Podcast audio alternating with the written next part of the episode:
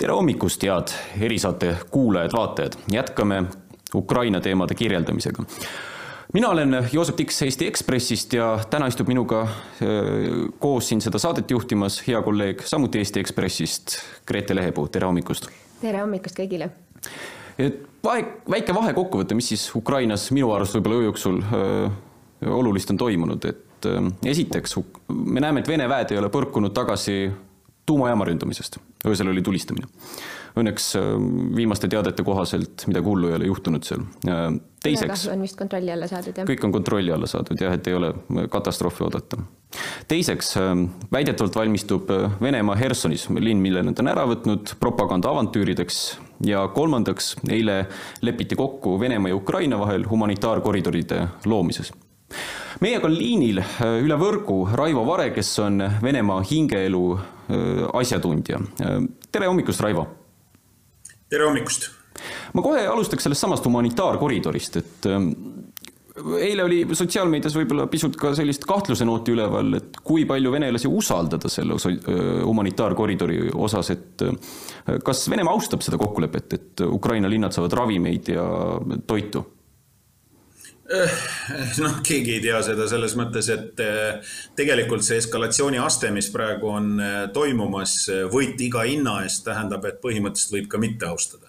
Küll aga on venelastele tegelikult kasulik, et inimesed linnadest välja läheksid, sellepärast et kui neil on vaja seal sõdida, on vaja pommitada ja lauspommitada, siis liiga suur tsiviilisik-, inimeste ohvrite arv tegelikult ei ole neile, nad saavad sellest aru, ei ole neile kasulik nii et selles mõttes pigem usun, et jah, seekord võib-olla isegi võib usaldada, aga noh, sada protsenti seda põhjust ei ole küll mitte teha, sellepärast et see sõjapidamisviis, nagu ta Venemaale kohane on, on tegelikult ilma tsiviilohvritele vaatamata siin viimastel päeval, õigemini eile hakkasid ka levima jutud, et Venemaal kuulutatakse välja sõjaseisukord. no seda ei ole nüüd juhtunud, Putin küll rääkis, aga, aga mitte sellest kas see kõlab usutavalt, et Venemaa võib äh, siin enda riigis sõjaseisukorra välja kuulutada ja mis see siis tähendaks Venemaale?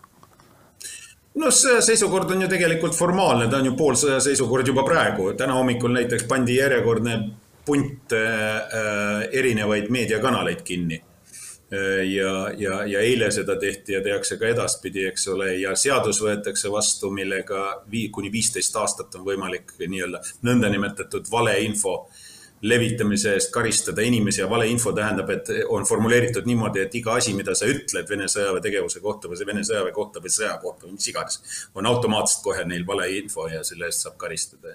on metodiškad ehk siis eh, juhised välja jagatud eh, koolide õpetajatele, kuidas lastele seletada seda, mis toimub ja, ja, ja vanemaid eh, peavad kooliõpetajad survestama, et Tiktokides ja teistes kanalites seal Telegramides ja kus veel ei ole kinni pandud, et seal ei oleks eh, inimesed, eelkõige lapsed, aga mitte ainult, eks ole, ja küllap neidki rünnatakse, nii et, nii et selles mõttes niisugune seisukond on. nüüd sõjaseisukord annab veel ka võimaluse komendanditundi vajadusel kehtestada, keelata igasugused miitingud a priori põhimõtteliselt ja represseerida kõiki protestijaid eh, maksimaalselt.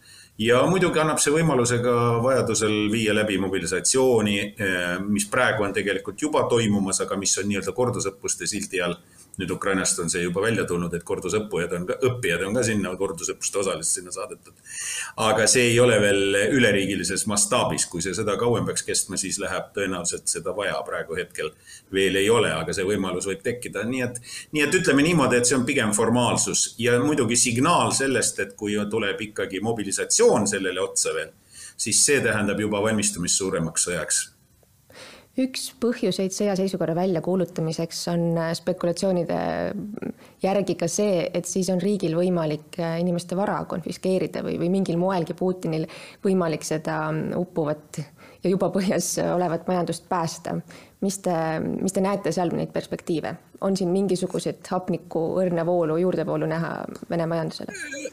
Ei ole, ei ole, aga tegelikult see nüüd on natukene naiivne läänelik tõlgendus sellele, sellepärast et põhimõtteliselt, kuigi jah, Putinit peetakse legalistiks ja et ta ikka üritab nii-öelda jokk-skeeme, siis tegelikult see ei ole tõsi, tähendab Venemaa äh, ruumis, kultuuriruumis, ajaloolises, õiguslikus ruumis põhimõtteliselt on riigil see õigus ka täna teha mida iganes ja see on ju üks põhjuseid, miks näiteks isegi režiimitruud ja, ja, ja Putini siseringi kuuluvad äh, oligarhid, kes paljud neist tegelikult hoiavad hoopis tema vara või vähemalt osa nende varast on tema vara väidetavasti, siis, siis miks nad seda kõike läänes teevad ja hoiavad, seal on nii-öelda vaja teha seaduse järgi. Venemaa põhimõtteliselt võib iga hetk teha, mida tahab, vastu võtta vajalikud dekreedid. Venemaal on muuseas presidendi ukaasid kõrgemad kui seadused. Äh, lihtsalt seda ei mäletata ja seda pole tükk aega kasutatud aga võimalik on seda näiteks teha valitsuse korraldustega, on võimalik väga palju otsustega väga palju asju teha ilma seaduse olemasoluta nii-öelda ainult raamseaduse raames, nii et, nii et põhimõtteliselt see nüüd ei ole küll põhjus, kui vaja, siis tehakse ja, ja praegu veel seda vajadust ei ole, aga muidugi umbes kolme-nelja kuu pärast, kui need sanktsioonid jäävad ja veel võib-olla tuleb neid juurdegi, arvestades, mida Venemaa Ukrainas korda hakkab saatma, siis võib juhtuda, et et äh, läheb vaja, sellepärast et siis on vaja nii-öelda koondada kõik jõud ja võtta kasutusele kõik meetodid. me oleme ära unustanud, see on kõik olnud. Stalin ka konfiskeeris inimeste mm, varasid ilma igasuguse seaduse aluseta ja, ja võttis ära äh, inimestel olevad väärtesemed. alguses kolmekümnendast aastast Torksini süsteemi kostis kokku aga pärast võttis lihtsalt ära ja kusjuures pani juba ka kirja, kes, kellel midagi oli ja siis oli hiljem kergem neid rünnata ja ära võtta, kui juba sõda lahti käiks. nii et, nii et selles mõttes ei maksa illusioone teha no see tundub äh, minule ikkagi täiesti uskumatu, ma pean paar korda päevas tegema nagu mõttepausi ja mõtlema, et kas see tõesti päriselt kõik toimub ähm,. täpselt seesama, millele te viitasite, et, et see nagu tundub äh, juba Stalini aja kordus. kas see teile tundub sama uskumatu, on teil samasugune emotsioon? Ei ole, sellepärast et äh, vene hinge ei saa tunda äh, ilma tundmata, tundmata ka Venemaa ajalugu. ja muidugi peab mingi kogemus olema, mõlemad on mul olemas. Ja Venemaa ajalugu, ma arvan, ikka natukene üle keskmise tundvat. Ja ma ütleks, et ajalooliselt on väga paljud asjad väga selgelt selgitatavad, ütleme niimoodi, vähemalt arusaadavad. ja mõneti on isegi hakatud sellest natukene avameelsemalt rääkima, no näiteks äh, tänase Vene eliidi nii-öelda üheks lemmikteemaks on see roll, mida Venemaa mängis, nüüd te kuulete õigesti, Euroopas üheksateistkümnendal sajandil pärast Viini kongressi, olles Euroopas kõikide asjade otsustuste juures, tollaste suurriikide kolmikus, briti, britid, prantslased ja, ja Venemaa ja seejuures veel ka sõna otseses mõttes täiesti tehniliselt ja faktiliselt. ja seejuures ka veel ka politseinik, eks ole, Euroopas tuhande kaheksasaja neljakümne kaheksanda aasta eh, revolutsioonilise liikumise mahasurumine on suuresti Vene teene, kes eh, Vene imperaator andis väed teistele appi, kui oli vaja ja ise osales ja nii edasi. ja siis sellele järgnes tuhat kaheksasada viiskümmend kolm Krimmi sõda, millele eelnes muuseas Türgi aladele Vene vägede sisseviimine ja imperaator Nikolai Esimese sõna-sõnalt samasugune tekst, nagu praegu räägib Putin, ainult et see on arhailisemas vene keeles kui, kui praegune keel. sisu absoluutselt analoogiline, täiesti uskumatu, nii et, nii et see läheb veel kaugemale, see ajalooline taak ja taust ja, ja kui seda idealiseeritakse, seda perioodi idealiseeritakse, see on juba täna ametliku ajaloolise diskursuse kangelasliku ja, ja ihaldusväärse perioodi nii-öelda võrdkuju isegi rohkem rohkem mõneti kui juba Nõukogude Liit paiguti, mida me ka Putini fraseoloogias oleme tähele pannud, siis, siis noh, tasub, tasub nagu äh, rahulikult sellesse suhtuda, kuigi jah, ja mõistvalt mõneti, kuigi jah, normaalsele keskmisele tänapäeva inimesele tundub see täiesti metsik. siin läänes loodetakse väga palju, et äh, inimesed tulevad Venemaal mõistusele, rebivad propagandast lahti ja tõusevad Putini vastu üles, vahetavad režiimi, no mis iganes. Äh, Putini toetus ometi ju Venemaal tõuseb, inimesed tänavalt ei usu seda, mis nad kuulevad läänest, toetavad seda sõda, et, et mis, mis see nagu loogiline teetähis seal Venemaal on, et kas nad lihtsalt kapselduvad ja muutuvadki suureks Putini entusiastiks? noh, tegelikult on äh, analoogiad nii-öelda, et läänes mõistetavat analoogiat võiks kasutada Põhja-Koread, aga see ei ole täpne muidugi. põhimõtteliselt see liikumine sinnapoole on täiesti võimalik Venemaal ja, ja, ja, ja ei maksa teha illusioone ja on jah, protestihääli on ja tuleb juurde. aga see tuleb väga aeglaselt, ma arvan, et alles siis, kui sanktsioonid reaalselt mõne kuu jooksul hakkavad tulemusi andma, siis natukene tekib seda protestihäält juurde ja rahulolematust. aga ikkagi üle poole elanikkonnast ühel või teisel viisil on sellega rahul ja on valmis kannatama ka ka ära ebamugavused selle nimel, et oleks eh, seda suursugusust ehk veliitšiat võimalik saavutada ja, ja, ja, ja sellel on jällegi sügavad kultuurilised ajaloolised juured, see ei ole üldse nüüd tänapäeval juhtunud ja me nagu noh, ei saa sellest aru, sest meie genees on ehm, ühiskondadena täiesti teistsugune, kaasa arvatud ka meil siin Eestis. me ei saa sellest aru, aga nii on, noh. ja, ja, ja see tähendab seda, et ei maksa teha ka illusioone selles suhtes, kuidas, kuidas suhtutakse. ja lõppude lõpuks tuletage meelde, et ka propaganda probleem on siin täiesti reaalne olemas, sellepärast et ikkagi ajud on ikka nii ära pestud et me isegi ei kujuta seda ette. ka täna olukorras, kus inimestele tulevad, ma loen Vene, Vene sotsiaalmeediat päris palju, tulevad äh, juba teated nende laste surmasaamisest Ukrainas ja selles keegi ei kahtle. nagu, ikka kahtlevad ja ikka on inimesi, kes ütlevad, et see on kõik vale ja kõik on propaganda ja ukrainlased ise lasevad, lasevad neid objekte seal õhku ja, ja, ja tükk aega oli üldse ju selline seisukoht, et ühtegi surnuks, äh, ühtegi surnut ei ole isegi venelastel ja kõik on ukrainlaste lavastused ja nii edasi. nüüd nad ise lavastavad Hersonis seda, et nad toovad sinna, on juba öösel toonud bussidega äh, sadu inimesi, kes siis äh, ja noh, uudistes öeldi, eks ole, et, et on ka tele ja ja, ja raadiovõimsused äh, nii-öelda nende kontrolli alla läinud ja nüüd nad hakkavad lavastama sellist tuhande üheksasaja neljakümnendat aastat Baltikumis, kuidas lilledega äh, äh, Petserist ja Petseri tagant toodud töölised võtavad vastu punaarmeelasi, kes tulevad vabastama kapitalistidest Eestit. nii et noh, nüüd me, me näeme Ukrainas täpselt sama käsiraamatut ja samasuguste materjalide lavastamist ja, ja sellega nii-öelda lehvitamist, nii et, nii et elatakse täiesti teistsuguses infomullis, mida tegelikult suures osas kontrollib kontrollib äh, riik läbi, läbi eelkõige televiisori ja üldse nii-öelda kontrollitava meedia, kõik, mis selle vastu töötab, kõik. Äh, kui enne veel lasti natukene töötada, siis nüüd pandaks täitsa kinni ja neid allikaid lihtsalt jääb üha vähemaks. kui palju teil endal praegu tuttavaid on Venemaal, kui palju te vene inimestega sidet hoiate? Üha vähem, juba mõnda aega siin aastavahetusel viimati ja, ja, ja, ja inimesed vist juba siis kartsid rohkem, kui ma oleks oodanud. Ja inimesed, kes on hästi informeeritud, mõned ja, ja, ja nii-öelda eh, teadlastaustaga ja nii edasi, nii et noh, ütleme niimoodi, et neil on tekkinud eh, juba siis oli, juba mõnda aega tagasi oli see hirm ja tegelikult kõik see alguse sai üldse kahe tuhande esimesest aastast juba, kui Venemaal hakkas tekkima hirm jälgimise, jälitamise üle isegi asjade ajamisel äh, väljaspool Venemaad, äh, isegi äriasjade ajamisel, mul on endal isiklik kogemus sellest, nii et noh, ma arvan, et et see protsess on tegelikult kestnud juba kakskümmend aastat pluss, aga me lihtsalt oleme maganud õndsas unes ja, imestame nüüd, aga nüüd on hilja juba, nüüd on see areng juba jõudnud teatud staadiumisse ja, ja seda tagasi pöörata on väga raske ja inimestest saab aru, inimesed kardavad. See, seda ma olen kuulnud ka teiste käest sama probleemi, et noh, et suhtlemine on juba hakkab nägu, nägu, näitama seda nägu, mis oli Stalini ajal. suhtlemine välismaaga oli inkrimineeriv asjaolu automaatselt. ja isegi näiteks ma toon ühe näite jällegi äh, ajaloost küll, eks ole, aga lihtsalt analoogiat tasub juba hakata ootama. kui äh, teadupärast Nõukogude Liit vajas tohutult lääne abi Saksamaast, Saksamaa vastu peetavas sõjas.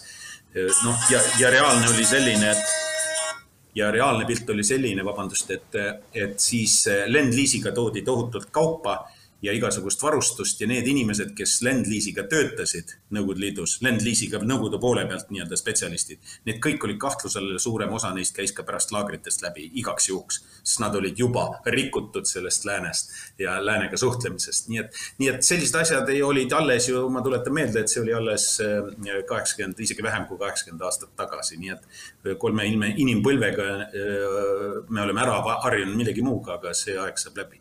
ja ainukene viis praegu on ongi tegelikult äh, lääne poolt vaadates on äh, maksimaalselt kruvi peale keerata, sest see jutt, et noh, et nagu siiani on olnud, et noh, et jätame midagi veel tagavaraks ja võib-olla ei tee ja noh, nii kaua teeb, kuni saab see on Venemaa eripära, Venemaa läbirääkimiste taktika on ka selline, et nii kaua push itakse, kuni enam ei saa. Ja, ja, ja, ja alati peavad nemad rohkem võitma kui oponendid ja nii edasi, win-win ei eksisteeri, on, on win-lose või Venemaa win peab olema Vene poolel suurem kui vastaspoole win ja nii edasi, nii edasi, nii et need on siuksed elementaarsed tõed, millest, mis ei olegi kinni ainult Putini isikus ja sellest võib-olla ei taheta alati aru saada. siin eile oli juba märgata, kuidas Venemaal olid lennupiletid välja ostetud, rongipiletid välja ostetud.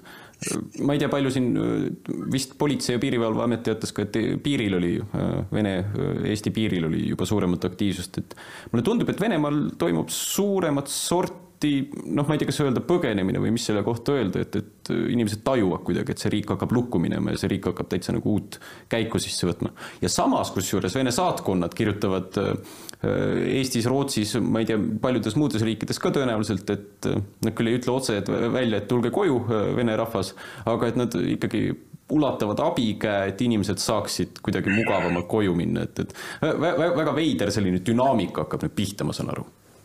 Üldse ei ole veider, ma väga vabandan, aga jällegi värskest ajaloost või värskemast ajaloost kaks näidet. esimene näide tuhande üheksasaja kahekümnendatel aastatel, eelkõige kahekümne teisel aastal, tal on isegi oma nimi olemas, see oli filosoofide emigratsioon ajaloos käibes, kui Venemaalt lasid bolševikud lahkuda vaimueliidi suurel hulgal. kokku lahkus Venemaalt immigratsiooni üle viie miljoni tollal ja paar miljonit tuli nendest läksid eh, just nimelt selle immigratsiooni raames er,. erksamad inimesed, sest nii oli mugavam, selle asemel, et neid kõiki ära tappa ja nähes, et kõiki ei saa ka kasutada, oli targem nad välja suruda. ja, ja seda tegid bolševikud, miks me arvame, et nüüd see on nii täiesti nii ilmvõimatu. teistpidi jällegi jällegi ajaloost, jällegi eh, tuhande neljakümnendatest aastatest, ma jätan praegu selle kolmekümnendate aastate kommuni-, eh, kommunistide immigratsiooni Stalinlikule Venemaale, aga võtame neljakümne viienda aasta järel eh, toimunud immigratsioonilaine, kus siis Vene immigrandid, kes olid siis õlg õla kõrval võidelnud fašismi vastu, kutsuti tagasi Nõukogude Liitu ja nad ka läksid suurtes hulkades, küll mitte nii suurtes nagu enne, aga siiski läksid ja, ja said muidugi ka oma jutumärkides teenitud karistuse kätte, enamus neist sattus muidugi laagritesse ja sinna ka paljud jäid. ja, ja see on nüüd see koht, kus, kus, kus ajalugu lihtsalt kipub ennast alati kordama, nii et ei ole midagi imelikku ja Vene poolt vaadates on see täiesti loogiline. sellepärast, et keda kutsutakse, ega siis on arusaadav, et need, kes, kelle, kelle kutsututest tulevad ainult need, kes ei saa millestki aru või kes on juba positiivselt meelestatud, mis on ju potentsiaalne ressurss, sellepärast et läänest tulijad reeglina on nii-öelda kvalifitseeritumad, paremal järjel ja nii edasi, nii edasi, seda on Venemaal ju vaja, see samal ajal kui nii-öelda need, kes on vastalised ja, ja kes, kes on kvalifitseeritud, kipuvad ära minema, nii et täiesti loogiline. kas Eesti peaks avama uksed neile inimestele, kes Venemaalt tulevad?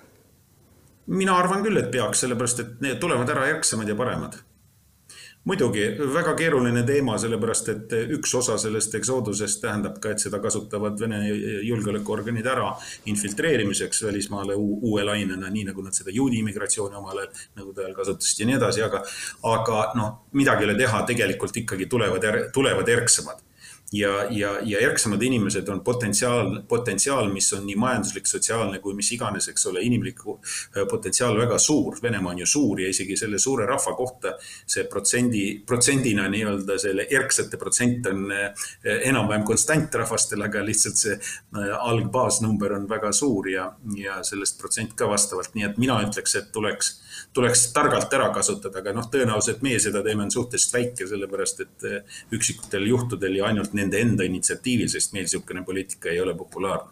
Venemaa perspektiivis see muidugi vist tähendab, et need, kellel oleks šanss režiimi kõigutada, et need tulevad ka sealt ära ja muidugi, sest see on üks režiimi strateegiatest, noh. Eh, tähendab, ei pea ju, ma ütlen, bolševikud tegid seda, miks siis ammugi nüüd ei või seda teha tšekistid.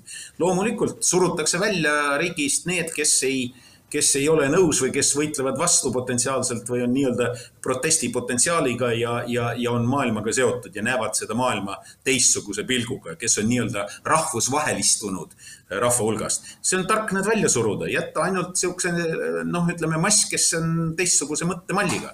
teate, ma ütlen teile päris ausalt, et eh, mina olen Põhja-Koreas käinud isiklikult ja ma olen seda näinud ja, ja, ja sinna on veel tükk maad minna, aga seal tegelikult protsess on ka väga paljus toimunud äh, nagu samade mudelite, loogikate alusel, aga lihtsalt väga palju aastaid tagasi. Ja noh, ongi niimoodi, et on, on tuumanupp ühtepidi ja tervet maailma saab šantažeerida ja teistpidi on absoluutselt kindel ja kõigutamatu režiim, aga see eeldab teatud jõhkrat mm, survepoliitikat omaenda rahva suhtes. ja muidugi suletust, nii maksimaalset suletust ja isoleeritust, kui on võimalik mis on tänapäeval kõige suurem väljakutse, sest noh, ütleme niimoodi, et äh, Venemaal seda läbi viia, seda poliitikat ei ole üldse lihtne. aga nad muuseas tegelevad sellega. praegu interneti nii-öelda ümberkonfigureerimine käib, nad on tegelikult viinud läbi õppused ja juba valmistuvad vajadusel Runeti ehk siis äh, Vene internetisegmendi väljalülitamiseks või ära isoleerimiseks, kas siis Hiina suure seinamudeli järgi või siis päris nii-öelda lahtihakimiseks. Nad on tegelikult Youtube'i kinnipanekuks valmistunud ja praegu see on ametlikult nii-öelda teada juba, et, et on äh, viimased kuud väga intensiivselt tegelenud nõndanimetatud RootTube'i ehk siis asendusliku vene mm -hmm. nii-öelda süsteemi loomisega, kus content ehk sisu on siis spetsiifiline ja Moskvale meelepärane ja nii edasi, nii edasi, nii et noh, see, see, see tee on tegelikult mudelina juba näha, aga noh, kui kaugele sellega minnakse, see on nüüd see küsimus. kas äh, Eesti jaoks sellel sajandil Venemaa majanduspartnerina enam ei eksisteeri või on meil äkki varem loota mm, suhete paranemist? ei noh, ega nüüd olgem ikka ausad, sajandist ikka rääkida on ikka väga keeruline. et väga, väga aga... pessimistlik on kogu see jutt olnud meil täna hommikul. jah, aga, aga noh, aastateks võib see küll niimoodi minna, kui praegu mitte midagi kiirkorras ei muutu, siis me oleme tegelikult suures külmas sõjas ja, ja selgelt eh, majanduslikus vastasseisus sealhulgas ja midagi ei ole teha, sellega peab juba täna arvestama. enne magasime, nüüd maitsime vilju. korra küsiks Ukraina kohta ka, et millised variandid on üldse Ukrainal sellest sõjast äh, võidukalt välja tulla? praegu on kuidagi patiseis, et äh, Vene väed küll ei edene, aga on seal ja pommitavad Ukraina linnu, äh, viivad läbi kuritegusid, aga venelased on siiski seal kohal, neil on palju massi, noh, võivad seda riiki ju aastaid hoida sellises situatsioonis. et mis on üldse ukrainlaste šansid seal? no see on eraldi arutelu väärt, ma ei usu, et meil seda eetriaega nii palju on, aga tegelikult on põhimõtteliselt nagu kolm suunda. esimene suund, mida meie siin kõik heauskselt usume ja tahame, on see, et venelased pekstakse välja ja kõik läheb nii-öelda normaalsesse rööpasse ja maailm aitab Ukrainat ja Venemaa maksab reparatsioonid ja nii edasi. see on, see on, see on selline ülioptimistlik stsenaarium, millele mingit põhjendust mina ausalt öeldes ei näe. ja siis on kaks stsenaariumi, mis on nagu natuke negatiivsema alatooniga või natuke keerulisemad. üks on see, et sõlmitakse vaherahu ja venelased kindlustavad endale mingisuguse osa Ukrainast ehk siis jagavad Ukraina ära, see on põhimõtteliselt neile sobiv lahendus isegi põhimõtteliselt, neil on vaja põhi, äh, nii-öelda tappa Ukraina kui tervik ja piisavalt suur tervik äh, riikluse ja, ja demokraatia mudeli näitena ja, ja, ja poliitilise mõjukuse seisukohast ja nii edasi, nii et, nii et selles mõttes see juba oleks positiivne stsenaarium. Äh, kas nii kaugele jõutakse, no praegu viimased signaalid ütlevad, et Putin ei saa, ei taha taganeda, et tema tahaks ikka kogu Ukrainat ja kõike enda alla. ja siis loomulikult see eesmärk ise pühendab abinõu ehk siis eskaleerimise, kui võit iga hinna eest, kui alguses anti tõesti neile käsk tsiviilisikuid mitte tulistada, siis nüüd on see käsk sisuliselt juba tühistatud. tulistatakse infrastruktuuri, purustatakse, tapetakse inimesi, hirmutatakse neid, kasutusele on võetud termobaariline relv juba paiguti väidetavasti. nüüd järgmine punkt on siis mass massiivsed lauspommitamist, see on osaliselt ka tehniliselt paratamatu sõja edasipidamisel, sest venelaste nii-öelda täppisrelvade varud hakkavad eh, otsa saama ja neil on vaja lihtsalt siis seda traditsioonilisema relvastuse peale, mida muuseas eufemistlikult ingliskeelses terminoloogias öeldakse indiscriminatory ehk siis mittediskrimineerivad see tähendab, et ei tehta vahet, kõiki tapab, mis tee peale jääb. ja see, see nende, nende re, re, relvade kasutuselevõtt, massiivsem äh, linnade vallutus ei ole võimalik ilma purustatusteta. on vaja hirmutada rahvast ja nii edasi, nii et asi läheb ainult hullemaks. infrastruktuuri puhul järgmine samm on muidugi aatomilektrijaamad, millest juba on hakatud tasapisi seda mängu mängima. hirmutatakse Euroopat eelkõige tuumaobjektide ohutusega ja muidugi aetakse kõik ukrainlaste süüks nagu ikka. ja, ja, ja see kõik nii-öelda kumuleerub, kui nad kuidagi tulemust ei saavuta, siis taktikalise tuumarelva kasutamise äh, ei ole välistatud. ma arvan, et nii kaugele ei jõua, aga mine tea, kaugemale nad muidugi minna ei saa ja ei taha ja ei, ei suuda ka, aga see on nüüd teoreetiliselt võimalik, see on Venemaa sõjalistes kontseptsioonides ja igapäevases äh, militaarpraktikas no, tavaline, nii et, nii et seda on ka kogu aeg harjutatud. Ja, ja, ja siis kolmas variant on siis selline, kus siis lepitakse kokku mingisugune äh, Eh, mingisugune noh, ma ei oska öelda, mis see on, see on siis eh, Pariisi lepe Vietnami sõja lõpetamiseks. ainult et teistpidi keeratuna. ja, ja siis eh, venelased saavad enam-vähem kõik, mis nad tahavad, aga Ukraina siiski säilub mingisuguse puhverriigina, aga muidugi eh, noh, eh, mitmesuguste reservatsioonidega.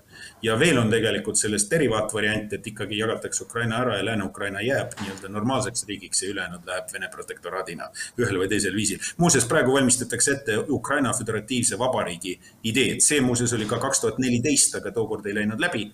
nüüd siis uuesti üritatakse Vene täkkidel seda rakendada, see on siis vasakpoolse Lõuna-Ukraina, vasakkalda, Dnepri vasakkalda ja lõunapoolse Ukraina nii-öelda föderatiivseks vabariigiks loomine, kus oleks, mis oleks siis sisuliselt nõrgukene puhverriik, täielikku Vene protektoraat täielikult nende kontrolli all, mida vajadusel saab ka lülitada Vene nõndanimetatud ühise riigi koosseisu nagu Valgevenet nii et see, kui ähm, Putin saadab Macroni kaudu ähm, nii siis Ukrainale kui ka maailmale sõnumi sellest, et äh, me läheme lõpuni välja. Te olete selles veendunud, et sinna läheb? No ta on jah, tal ei ole nagu väga palju enam jäänud, see vahevariant on veel see, mis annaks tal võimaluse säilitada nägu ja võimu äh, Venemaa siseselt äh, tähendab, see esimene variant, millest ma rääkisin, see ei ole isegi stsenaariumina isegi realistlik, sest see tähendab talle absoluutselt kaduda ei saa selle peale minna, nii et, nii et selles on see põhjus. Ja, ja muidugi signaalide andmine on omaette kunst, eks ole, sest see on strateegiamäng. ja noh, ütleme niimoodi, et äh, mentaalselt selleks mitte mm, mänguks mitte valmis olijate hirmutamine nende poolt, kes selleks on valmis, on ju selle strateegiamängu üks komponent ja, ja Venemaa selle pärast teadlikult mängib, see on neil strateegiasse sisse kirjutatud. ega kui me üldse saame praegu toimuvat hinnata, siis on kaks faktorit, mida nad ei suutnud oma strateegias absoluutselt ette näha. Ukraina kangelaslik vastupanu, täiesti müstiline ja lääne reaktsioon kaugelt üle selle, milleks nad valmistusid. Nad ju tunnistasid, et nad valmistus küll sanktsiooniks, aga mitte sellisteks. Nad valmistus küll, et noh, midagi sealt tehakse, aga seda, et Ukrainat asutakse abistama, kuigi võiks palju rohkem abistada, peaks palju rohkem abistama. siiski nad ei olnud, nii et need kaks faktorit on nende jaoks üllatus. ülejäänuga nad on kõigega arvestanud ja, ja, ja midagi ei ole teha, meile see ei meeldi sellest rääkida ja ma saan aru, et ma olen ebapopulaarne, aga tuleb objektiivselt asjadele vaadata. ja veel muidugi kolmas faktor on ikkagi Vene relvajõudude tegelik seisund, mis on ikka kaugelt allapoole seda, mida noh, nemad ise oma propagandas müüsid ja ise seda propagandat uskuma jäid, aga ka mida oodati lääne poolt, ekspertide poolt vaadates. kui ma vaatan ja loen praegu, mida lääne sõjanduseksperdid sellest kirjutavad, siis noh, nemad on ka üllatunud. tuleb välja, et see on ikkagi natukene rohkem, eh, ütleme niimoodi, see tiiger on ikka poolenisti papist Raivo Vare, ma tänan teid, et tulite meil siia stuudiosse üle võrgu. tänan teid selle eh, väga sisuka vestluse eest. praegu aga, head vaatajad, eh, uurime ühte vaheklippi ma pean ausalt ütlema, ma ei mäleta nüüd, milles see oli, aga kohe saame kõik vaadata seda koos. ja siis on juba järgmine stuudiokülaline meil.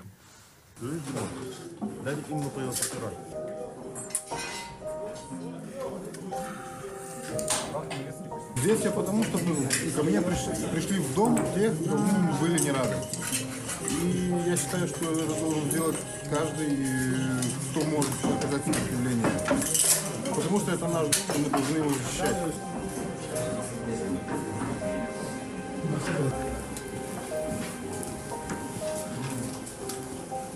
Почему? Потому что в 2014 я пошел в Добробат, а теперь, видимо, опять пришло время. Поэтому подписываю контракт с Террабаном.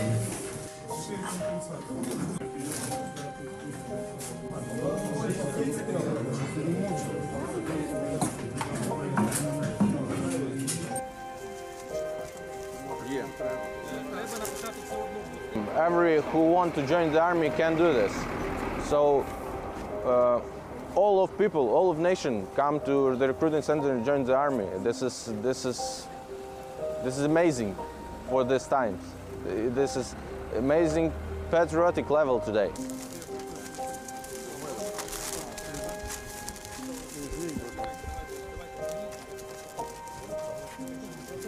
Я є я є діючий медик, медик швидкої допомоги, яка вирішила піти в лави з хлопцями, щоб надавати їм невідкладну допомогу в разі потреби.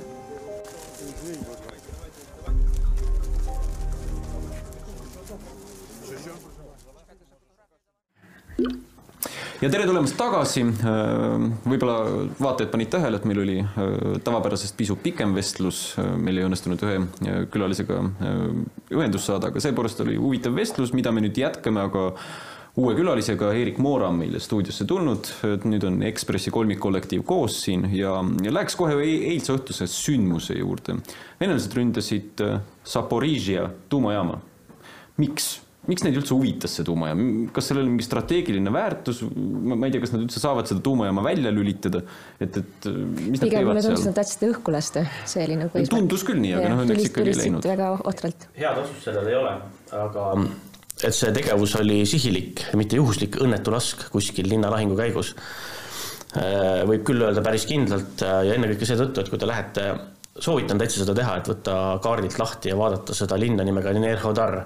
see on siis, äh, põhimõtteliselt on see selline nagu Lasnamäe-laadne linnaosa, mis ehitati Zaporižjast tegelikult kaugele teisel poole seda Dnepri suurt veehoidlat, täiesti eraldi, seal on ainult kaks, põhimõtteliselt kaks suurt asja, üks on äh, seesama Euroopa suurim tuumaelektrijaam, teine on on siis selle kõrval olev soojuselektrijaam ja kogu linn, viiskümmend pluss tuhat elanikku, tegelikult teenindab ainult neid samu elektrijaamu, sisuliselt seal suurt midagi nagu noh, pisiolmet natukene ka, aga see on kõikidest teedest kõrval, ta ei hoia midagi ähm, äh, kinni, sul ei ole tegelikult, kui sul, kui sul ei ole plaani minna sinna seda jaama kas üle võtma või pommitama, siis sul ei ole sinna tegelikult asja, mitte kuidagi, sul ükski rakett ei eksi sinna, ükski lask ei lähe sinna kogemata, ükski mürsk ei kuku, et nii et oih, meil läks vussi. Äh, et ta ei ole kuidagi Zaporižia linnas või linna lähedal. see on suhteliselt hullumeelne, et need väed läksid seda ja, et väed läksid eraldi ikkagi sinna nagu segadust külvama. ja noh, kui me spekuleerime, et mis see põhjus võis olla, üks variant on siis see, et saavutada kontroll tuumajaama üle, et kontrollida energiat, nagu ma ütlesin, see on Euroopa suurim tuumajaam, väga oluline osa kogu Ukraina energiavarustusest.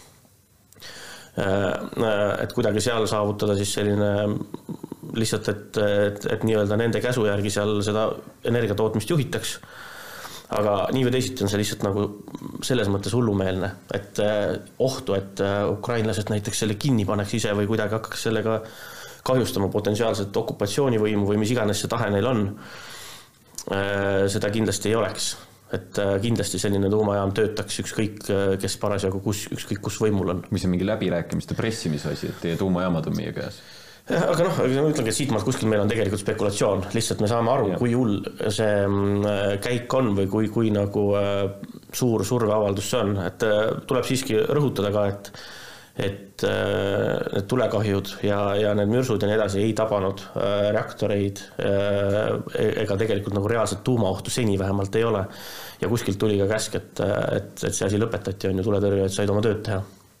aga et selle mastaapsusest veel aru saada, et siis ähm kui see tuumajaam õhku lendab, me räägime kümnekordsest Tšernobõli katastroofist. et kas, ma ei tea, kui veel spekulatsioonidega edasi minna, et kas see selline tuumakatastroof varjaks mingit muud asja või noh, kas venelastel on nagu mõtet luua niisugune radioaktiivne piirkond sinna? ei taha selle üle selles mõttes spekuleerida, et, et kui nendel, kui nendel oleks nagu huvi kogu Ukraina maa pealt nagu hävitada elukeskkonnana, siis äh, võiks sellest ju rääkida, aga aga sellist huvi vist ei oleta praegu isegi äh, nagu keegi äh,, minu teada vähemalt. me oleme siin mitu päeva juba sind kontoris kuulanud, et sa kindlasti vaataja ei tea, aga Eerik kõlab väga pessimistlikult alati. eile kirjutasid isegi sõjapäevikusse pealkirjaks, et asi on halb. Kas mi, miks sa oled nii pessimistlik või kas Ukrainal on üldse mingi lootus sellest sõjast tulla siis äh, võitjana välja või mis tingimustel neid vaherahu mm -hmm. punkte otsitakse, et nad äh, saaksid seal normaalselt edasi eksisteerida? ma arvan, see minu pessimism on selles kontekstis, et et siin esimese nädala jooksul on tegelikult tekkinud mingisugune selline nagu natuke eufooriline vaimustus meil kõigil sellest, kui tubli on Ukraina ja kui hästi on vastu pannud ja kui visalt ja kui vapralt ja see on nagu täiesti õige, see ongi fantastiline aga me peaksime nagu mõtlema, et et, et mis edasi saab, mis see nagu võimalik lahendus on, mis on, mis on siis, kui Ukrainal läheb väga hästi, mis on siis, kui läheb nii, nagu äh, tõenäoliselt läheb, mis on siis, kui äh, läheb halvasti, et mis siis nagu need stsenaariumid on, mis siis juhtub. ja ausalt öeldes on ainult üks stsenaarium, äh, kus Ukraina päriselt võiks võitjana välja tulla, sellest võime siin kõige lõpus rääkida aga need realistlikumad stsenaariumid on kõik eranditult Ukrainale väga halvad ja see, me peame ka aru saama, et sõda ongi nagu nii totaalselt laastav asi ühiskonnale ja, ja maailmale. või noh, ühiskonnale, rahvale, riigile ja siis kogu sellele ümbruskonnale, sealhulgas siis ka meile, et, et, et siin ei ole mingisugust võidust nagu mingit põhjust rääkida. et seal, kui mõelda neid stsenaariume, siis kõige nagu stsenaarium, mille peale läks Venemaa, oli ilmselt lühike, kiire sõda, Ukraina kiiresti kapituleerub, Ukraina kaotab, kaotavad oma omariikluse, kaotavad Euroopa perspektiivi, Venemaa võtab kontrolli üle kogu riigis. me näeme, et seda ei ole seni juhtunud, jumal tänatud, see ongi see, mis on see nii-öelda see võiduhetk. aga nüüd edasi tähendab see seda, et äh, alternatiiv on pikem sõda. Riik äh, laastatakse ära. mõtleme näiteks seda, mis on, äh, mis a la, mis juhtus Afganistanis, kui Nõukogude väed sinna sisse läksid. Nad jäid sinna kümneks aastaks ja põhimõtteliselt ikkagi nagu selle ajaga purustati see ühiskond ja võitjaid ei olnud, ise kaotati, Venemaa kaotas või Nõukogude Liit kaotas kadus, aga, aga, aga tegelikult ühiskonda oli hävitatud. ja niimoodi nagu sõda sõja järel, teine variant on see, et, et ühel hetkel hakkab Venemaal halvasti minema, me, see olukord kuidagi eeldame, et ei eskaleeru tohutult ja öeldakse, et nii, nüüd me oleme valmis läbi rääkima päriselt. siis seda tehakse sellel kohal, kus parasjagu ollakse. Need, need positsioonid, mis on juba kätte võidetud on Ukraina jaoks selles mõttes suures osas kaotatud, okei okay,, midagi lepitakse veel kokku, Venemaa hindab, et mis piirkondi ta hoida ei suuda, annab midagi justkui nagu loobub veel või annab tagasi. Aga äh, Donetsk äh,, Lugansk, selle lähipiirkonnad äh,, Krimm, Krimm, Krimm suure tõenäosusega võib-olla ka maaühendus äh, just selle Donbassi ja Krimmi vahel, mis on tegelikult Ukraina osad, see on Ukraina maa et selle on sellisel juhul Ukraina ikkagi kaotanud, sest Krimmist läbirääkimistel Venemaa ei loobu üldse. Päris tõenäoline stsenaarium on see, et see asi eskaleerub edasi tõsiselt või ühesõnaga, et äh, kaotust äh, või kaotuse poole suunavaid hetki ei suuda äh, Venemaa aktsepteerida. ja ühel või teisel moel eskaleerib seda nagu noh, jällegi nii hullul moel, et me ei taha sellest justkui mõeldagi. see võib olla Euroopa-suunaline tegevus, see võib olla, see võib olla nende mingisuguste massihävitusrelvade kasutamine Ukrainas, et tuua kaotusele kiskuvasse sõjakäiku mingit pööret.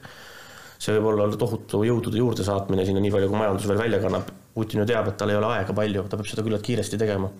sellepärast, et majandussanktsioonid äh, mõjuvad halvasti ja nii edasi. Ja kõik see tähendab seda, et nii või teisiti Ukraina ühiskond, ütleme, et okei okay,, see vaherahu ka tuleb või kuidagi ähm, Ukraina killustatakse, tuleb mingi vaherahu, Lääne-Ukraina justkui võiks öelda, et neil läks hästi, äh, võimud jäid alles. aga, aga see tähendab seda, et äh, jätkuvad, äh, jätkub partisanisõda, jätkub pidev, pidev militariseeritus, jätkub pidev relvastumine mõlemalt poolelt. Ja sellises ühiskonnas ei ole võimalik äh, nagu majandusel õitseda, teha kaasaegseid normaalseid asju. Ehm, edeneda, teha äri, keegi investeeris no, sinna. oli, Donbass oli sõjakonfliktis, aga Ukraina ikkagi edenes. jah, see ongi, äh, ongi oluline ka, et see on ikkagi suhteliselt äh, väike osa, äh, mis, mis, mis selle konkreetselt seal Donbassi all on, et ma räägin olukordadest, kus see on suurem ja kus sõjategevus pidevalt jätkub. ja ka ütleme, et Ukraina edenes nii hästi, on ka selles mõttes liialdus, Ukraina on Eestist kolmkümmend viis korda suurem, aga majandus on kolm korda suurem et, et äh, tegelikult on see, on see ikkagi või natuke rohkem suurem vist, äh, kui, kui nüüd järele mõelda, kui kolm või viis, aga, või oli nüüd enne seda sõda. aga, aga fakt on see, et äh, kõik see, mis praegu on toimunud, on ikkagi investorite jaoks tohutu šokk, seal kulub meeletud rahad ja vahendid selleks, et hakata taastama seda elukeskkonda üldse, kõik, kõik need teed, kõik need sillad, kõik need mm. majad, kõik need veevärgid, süsteemid, kõik tuleb taastada, see kõik tegelikult ähm, võib-olla skp numbrit kasvatab, aga tegelikult ühiskond edasi ei arene mm. -hmm. täna öösel äh, Zelenskõi tegi erakorralise pöördumise, siis kui rünnati tuumajaama. Äh, ta on teinud neid pöördumisi varem ja mulle tundub, need on olnud nagu selles mõttes edukad, et ta räägib hästi emotsionaalselt, on ju, äh, Euroopas inimesed seisavad püsti, von der Leyen on väga sõjakalt tema pool ja ta on saanud, mida tahab, et lääs annab talle relvi ähm,, Ukrainat toetatakse kõikvõimalikul moel aga mis edasi? kas, kas me, kas lääs on jõudnud nagu oma toetuspiirini?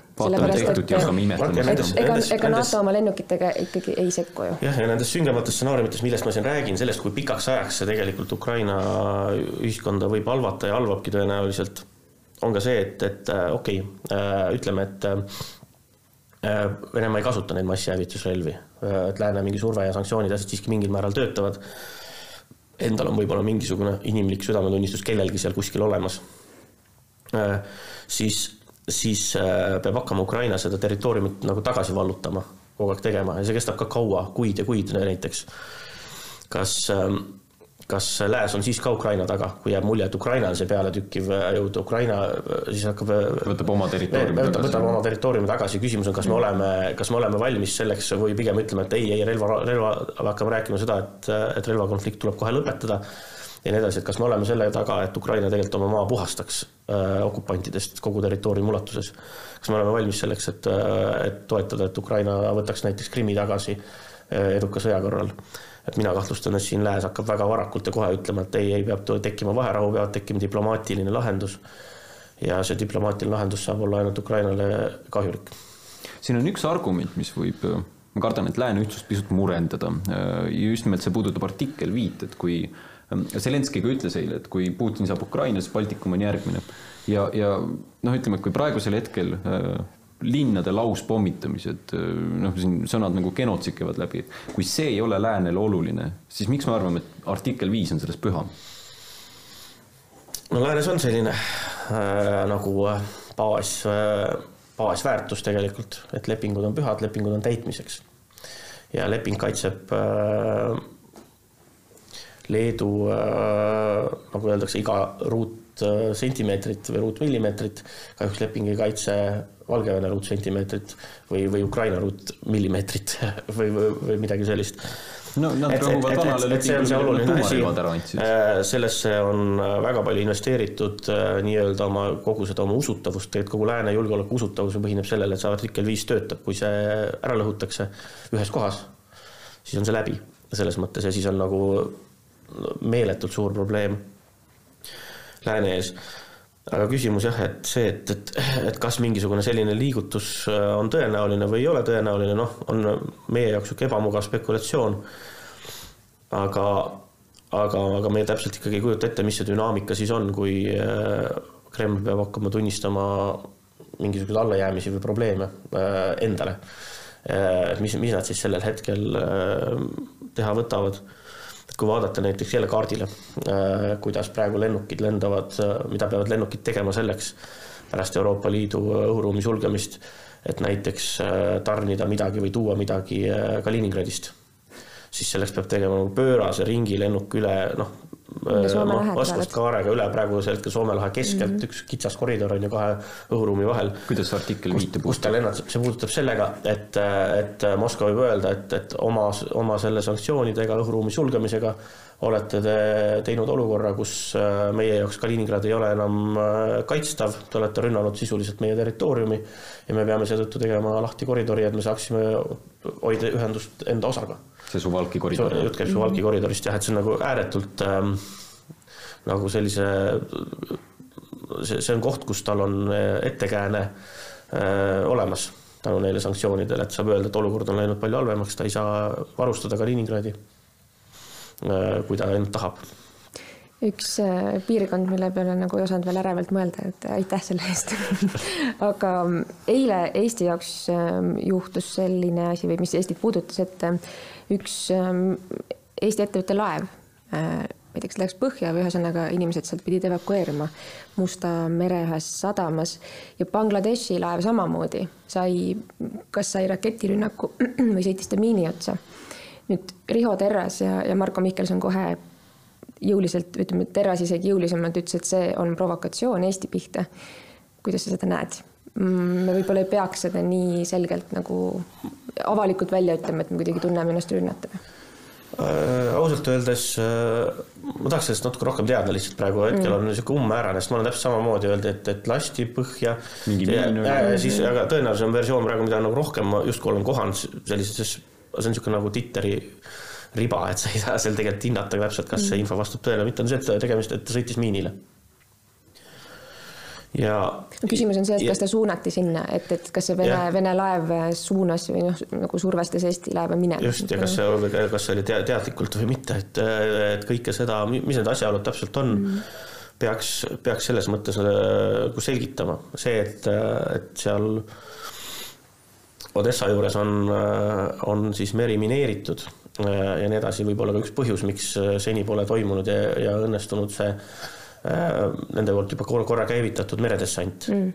et võib-olla oli ka ebasoodne ilm selleks, aga, aga seda on igal juhul püütud teha ja siiamaani pole õnneks tehtud Eerik, aitäh sulle, et sa stuudiosse oled taas kord tulnud. ma jättis, lubasin lõpus öelda ka, mis on positiivne stsenaarium. ütle kähku. jah, tegelikult ausalt öeldes ongi Ukraina jaoks positiivne stsenaarium kahjuks on praegu see, et Venemaal hästi kiiresti vahetub võim. siis Ukraina selle praeguse impulsi, energia ja lääne toetuse ja kõige selle pealt võib väga palju võita. aga, ja, ja eeldab sellega, et võimuvahetusega kaasneb ka vägede lahkumine äh, Ukrainast. ja selleks peab siis äh, lihtne, lihtne sõnum, et Putin tuleb kas tappa äh,, ta peab ise surema või tuleb ta maha võtta. ja ükski neist variantidest ei ole just nagu niisugune, millega saaks kuidagi arvestada. selge, äh, järgmine tänasin sind juba ära, on ju, Erik. järgmine plokk on meil majandushuvilistele, võib-olla see on üks läbi aastate parimaid majanduskommentaare, mis kohe teil videos avaneb. Со мной в студии сегодня Александр Бутманов, экономист-основатель инвестиционного клуба «Союзники», эксперт по биржевым стратегиям. Александр, здравствуйте. Приветствую, добрый день, не говорю. Да, никто уже сейчас не говорит. Биржевые стратегии сегодня это вообще атовизм или вы еще надеетесь в профессии остаться? А, в крайнем случае я буду работать Дедом Морозом, как 25 лет назад. Ну, это, это раз в год только. Ну, да. э, Кр- кроме шуток, э, давайте быстренько я это сделаю. Я передаю привет Сергею Усиченко, который пел э, 12 лет назад, 13, за смерть фондового рынка. Сегодня я пью газировку. Э, дорогой фондовый рынок, ты был нам близок, был интересен. Покойся с миром, дорогой товарищ. Я не буду комментировать этот э, флешмоб, не хочу, потому что я в это верить. Давайте...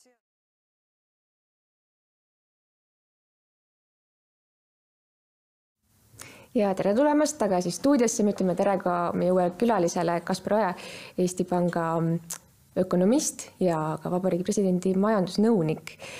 mis emotsioone see video teis tekitab, see on ülimalt, ütleme, kuidas populaarselt öeldakse, viraalseks saanud ja vist, vist kuulutab tõde.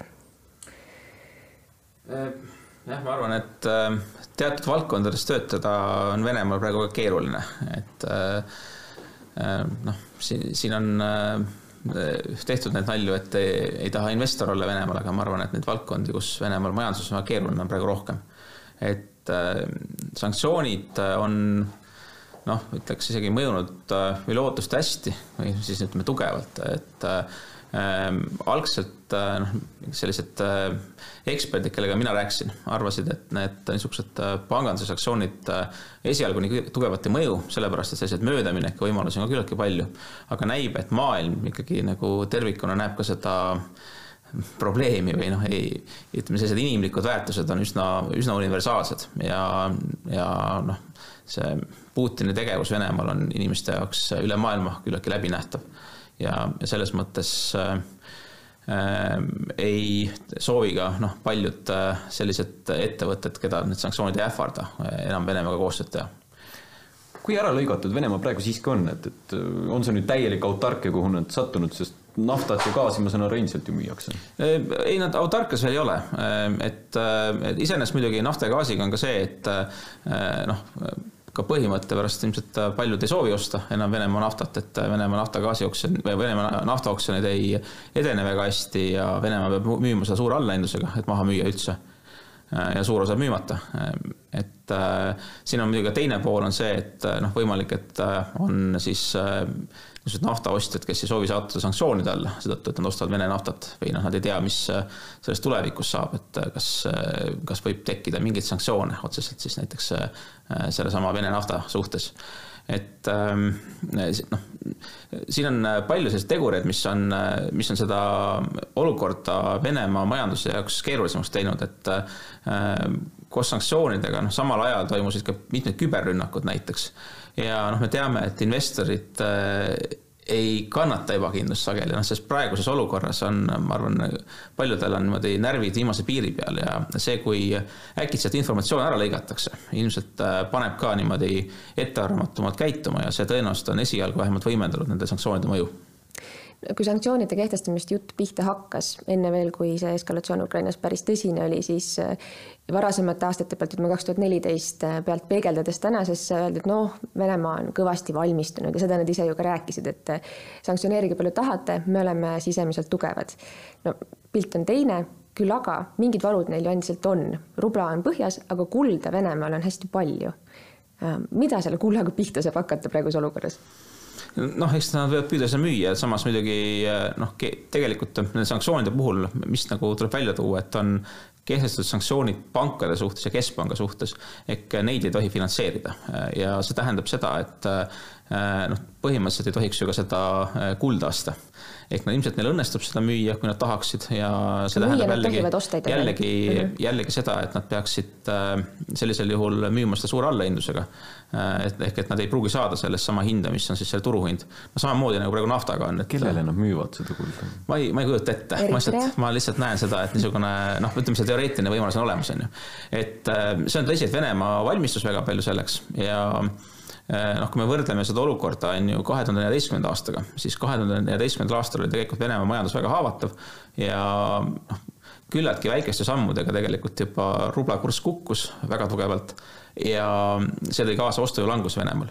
Eh, vahepeal on Venemaa üritanud hoida niisugust eh, väga konservatiivset eelarvepoliitikat, kogunud kõvasti reserve ja on teinud ennast vähem sõltuvaks naftatuludest ja ilmselt see on neile lisanud niisugust kindlust, et äh, siis on äh, võimalik need sanktsioonid üle elada, aga ma arvan, et need keskpangale seatud sanktsioonid äh, siis Euroopa Liidu ja USA poolt, need, need on tegelikult noh, seda lootust Venemaa jaoks natukene vähendanud.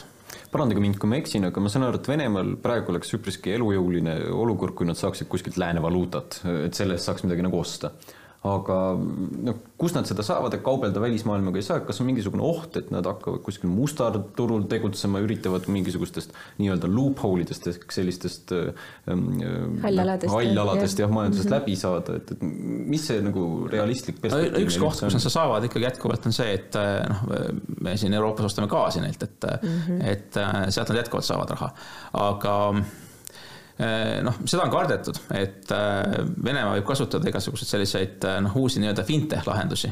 ja see on ilmselt nagu järgmine koht, mis, mida tuleb hakata Euroopas nüüd hästi ruttu jälgima ja reguleerima. mis need fintech lahendused on? noh, erinevad krüptolahendused siis mm, -hmm. et et siis ei oleks võimalik niisuguseid tehinguid Venemaal teha, et neid, neid sanktsioone, mis on kehtestatud pankadele, jõustada siis ka läbi selle krüptoturu et, äh, et noh, selles mõttes äh, see hirm on olnud suur, et nad hakkavad kasutama mingisuguseid äh, niisuguseid siis tavapärasest kanalitest mööda minevaid kanaleid, aga noh, kindlasti nende kanalite kinnipanemisega tegeletakse ka väga aktiivselt. mis tähendab, Bitcoini hind hakkab tõusma hästi palju, sest Venemaa tahab oma raha sinna või? noh, tingimata, see küsimus ei ole selles, et nad kasutaksid Bitcoini, vaid küsimus on selles, et nad kasutaksid mingisuguseid siis alternatiivseid makselahendusi või alternatiivseid arvelduskanaleid, mida siis noh, mida tuleks kasutada juhul, kui nad ei saa kasutada neid traditsioonilisi lahendusi. et eh, noh, selle Swifti kinnipanemise puhul noh, näiteks on ju räägitud, et et eh, Swift ei tähenda seda, et maksed oleksid päris kinni, vaid tähendab seda, et lihtsalt arvete saatmine võtab palju aega. et saab kasutada noh, näiteks emaili või ka siis noh, teleksit, nii nagu seda tehti enne Swifti. faksimasinad otsitakse välja üle maailma uuesti. jah, noh, no faksimasinad iseenesest on ju tarkvara eest on olemas paljudes kohtades, tegelikult ei ole, ei oleks ka midagi, midagi keerulist, aga Äh, nüüd oluline on see, et, et sanktsioonid ei ole mitte ainult selle SWIFTi kaudu, vaid sanktsioonid on ka siis otseselt pankadele äh, ja keskpangale. et äh, selles mõttes on Venemaal niisuguseid rahalisi tehinguid välismaailmaga teha väga keeruline. aga lisaks neile, neile piirangutele, mis puudutavad nüüd finantssektorit, on ju tehtud ka esimesed piirangud transpordile, et äh, lennundus on kinni, äh, osa riike on hakanud piirama juba ka laevade liikumist ja noh, äh, mina ise arvan küll seda, et me näeme, näeme üsna lähedase olukorra ära sellele, et läänemaailma ja Venemaa vaheline kaubandus katkeb. Hmm. Aga kaua Lääs tegelikult jaksab seda sanktsioonide paketti hoida, selles mõttes, et gaasi me ostame edasi, naftat mingil määral ju ka kaubeldakse kus või mis hetkel ikkagi keegi annab järgi? no ma, ma seda vaataks niimoodi, et, äh, et me noh, Venemaad vaatame kui niisugust väga suurt riiki, on ju, et ta on kohutavalt suure territooriumiga riik. aga majanduslikult on ta tegelikult väga väike et äh, oskate mingi riigi võrdluseks no, tuua? võrdluseks on toodud, toodud sageli Hollandit, et noh, siiski Hollandist on suurem majanduselt, aga nagu suurusjärgu mõttes on need noh, võrreldavad et äh, kui Hollandi majandus läks seisma, siis me nagu maailmas ilmselt ei muretseks, et kõik kokku kukub. ja noh, tegelikult me ei peaks ka Vene majanduse puhul seda niimoodi muretsema. et noh, gaasi puhul on olemas alternatiivseid tarne, tarneallikaid. Äh, varasemates kriisides me oleme seda näinud, et äh, noh, Venemaa muutub ähvardavaks siis, kui energiahinnad on kõrged ja harilikult noh, pärast neid neid väga kõrgeid energiahindu saabuvad perioodid, kus energiahinnad on väga madalad, sellepärast et äh, ikkagi lääneriigid võtavad ette mingisuguseid äh, programme, teevad koostööd selleks, et suur, suurendada maailmas nende energiakaupade pakkumist ja see viib tegelikult turul hinnad alla. ehk et see on seni olnud üks selliseid tegureid, millega on siis äh, Venemaad ja ka Nõukogude Liitu varasemalt on, on tegelikult äh, üritatud kuidagi äh, maha rahustada kas praegu öeldakse ka OPEC-ile, et palun hakake rohkem naftat tootma ja kas USA hakkab ka oma kildagaasi rohkem tegema ja nii edasi, edasi, et mis, mis see nagu pakkumise pool on, mida Lääs saab suurendada? ma arvan, et selle, sellega töötatakse äh, väga tugevalt praegu. et äh, eks äh, ma arvan, et me kuuleme neist tulemustest siis, kui need olemas on. mis juhtub inflatsiooniga? et selles mõttes oli praegu päris hea kuulda, et võib-olla see Vene äralõigatus, majanduse äralõigatus meist nii palju ei mõjuta, aga inflatsioon vist on, on tulemas ka. inflatsiooni ta ilmselt mõjutab ja inflatsiooni, mille mõju me oleme juba näinud, et äh, noh, see, mida me näeme energiahindadega, on osaliselt seotud asjaoluga, et Euroopasse on tulnud vähem gaasi juba mõnda aega. ehk et äh, nende niisuguste, no noh, nagu siin sai korra enne mainitud, nagu Venemaa olulisus majanduse jaoks, et Venemaa olulisus on see, et me saame sealt väga palju erinevaid tooraineid sealhulgas energiakaupu ehk gaasi, naftat, äh, aga ka näiteks väetiseid. Äh, Eestile ja Soomele on oluline ka puit, mis tuleb Venemaalt. ja noh, nende kaupade puhul noh, gaasiga on olnud probleeme juba tükk aega, puiduga piirangud alates jaanuarist, väetistega alates veebruarist. et tegelikult olgem ausad, et need piirangud on pea meie jaoks juba mõnda aega mm. -hmm. ehk et selles mõttes äh, Äh, noh, mei-, meile on see mõju juba mõnel määral, noh, mingil määral kohale jõudnud, et me seda näeme ka oma inflatsioonis.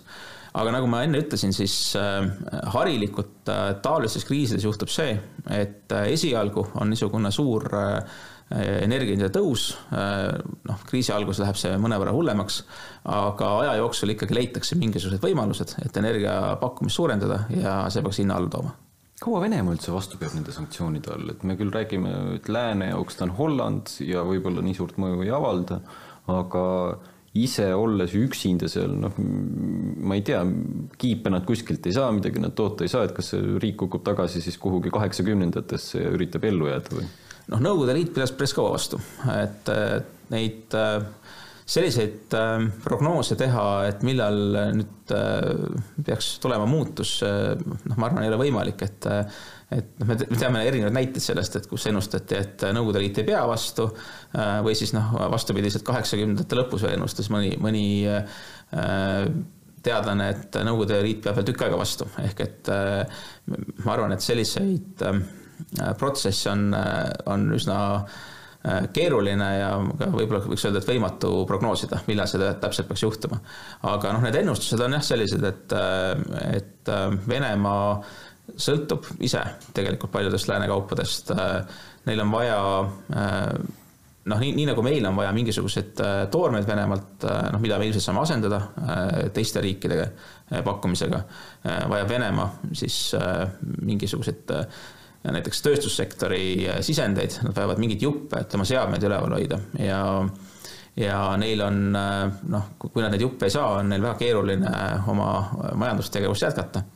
et noh, kui me mõtleme sellesama Nõukogude Liidu peale, et siis Ehm, selle majanduse puhul on äh, nagu teadlased välja toonud, et tõenäoliselt oli äh, see ütleme riikide, ütleme USA ja Nõukogude Liidu äh, elatustaseme vahe oluliselt suurem, kui oli nende skp erinevus.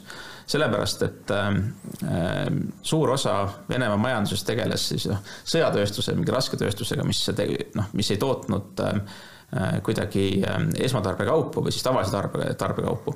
ja noh, need on need, mis lõpuks toovad inimestele heaolu, on ju. ehk et selline äh, heaolu probleem võib olla seal märksa suurem, kui me võib-olla niisuguse suhtelise skp erinevuse pealt oskame arvata. aga noh, tõenäoliselt on see nii olnud juba tükk aega vabandage mu niisugust lapse suu küsimust, aga kas rublal on võimalik kukkuda nulli ja mis siis juhtub? noh, põhimõtteliselt on siin see küsimus, et noh, rubla kurss näitab seda, et Äh, kui palju põhimõtteliselt siis nad peavad seda kohalikku valuutat andma selleks, et äh, osta siis äh, välismaalt kaupu, on ju. et sise, kuna ikkagi Venemaa on suur majandus, ta on, tal on selline siseriiklik osakaal väga suur, siis noh, seal kohapeal see nüüd liiga palju ei mõjuta. aga ta mõjutab seda ostujõudu, kui palju suudetakse osta siis välismaalt mingeid vajalikke kaupu. Et ähm, noh, võib-olla siin näitena võib tuua seesama Krimmi kriisi, et siis äh, noh, äh, toimus ka, toimusid ka sanktsioonid vastastikku. äh, ja samuti langes rubla kurss, et kui nüüd püüda hinnata seda, kui palju mõjutasid kaubandussuhteid riikide vahel, need sanktsioonid ja kui palju see rubla kursi muutus, siis noh, Eesti puhul on noh, olen siin ise hinnanud, et kusagil null koma kaks kuni null koma kolm protsenti Eesti SKP-st oli meie jaoks see mõju, mis tuli Venemaa vastusanktsioonidest. Ja kusagil protsent SKP-st tuli sellest, et Venemaal kukkus ostujõud rublakursi languse tõttu mm.. ehk et see, see mõju noh, on sealtkaudu niisugusele heaolule ja ostujõule on väga suur meie saateaeg on jõudnud sinnamaani, kus me peame kriipsu. kas me jõuame teha kiired ennustused, et kahe kuu pärast, mis on bensu hind Eestis mm.? kuhu maale see kerib, pakun kaks viiskümmend. ei oska seda ennustada ma ei, ma ei julge ka, ma sõidan trammiga parem.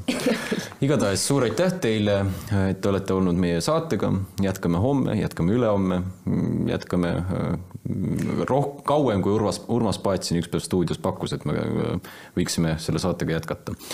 tänan teid, et olete olnud meiega, näeme jälle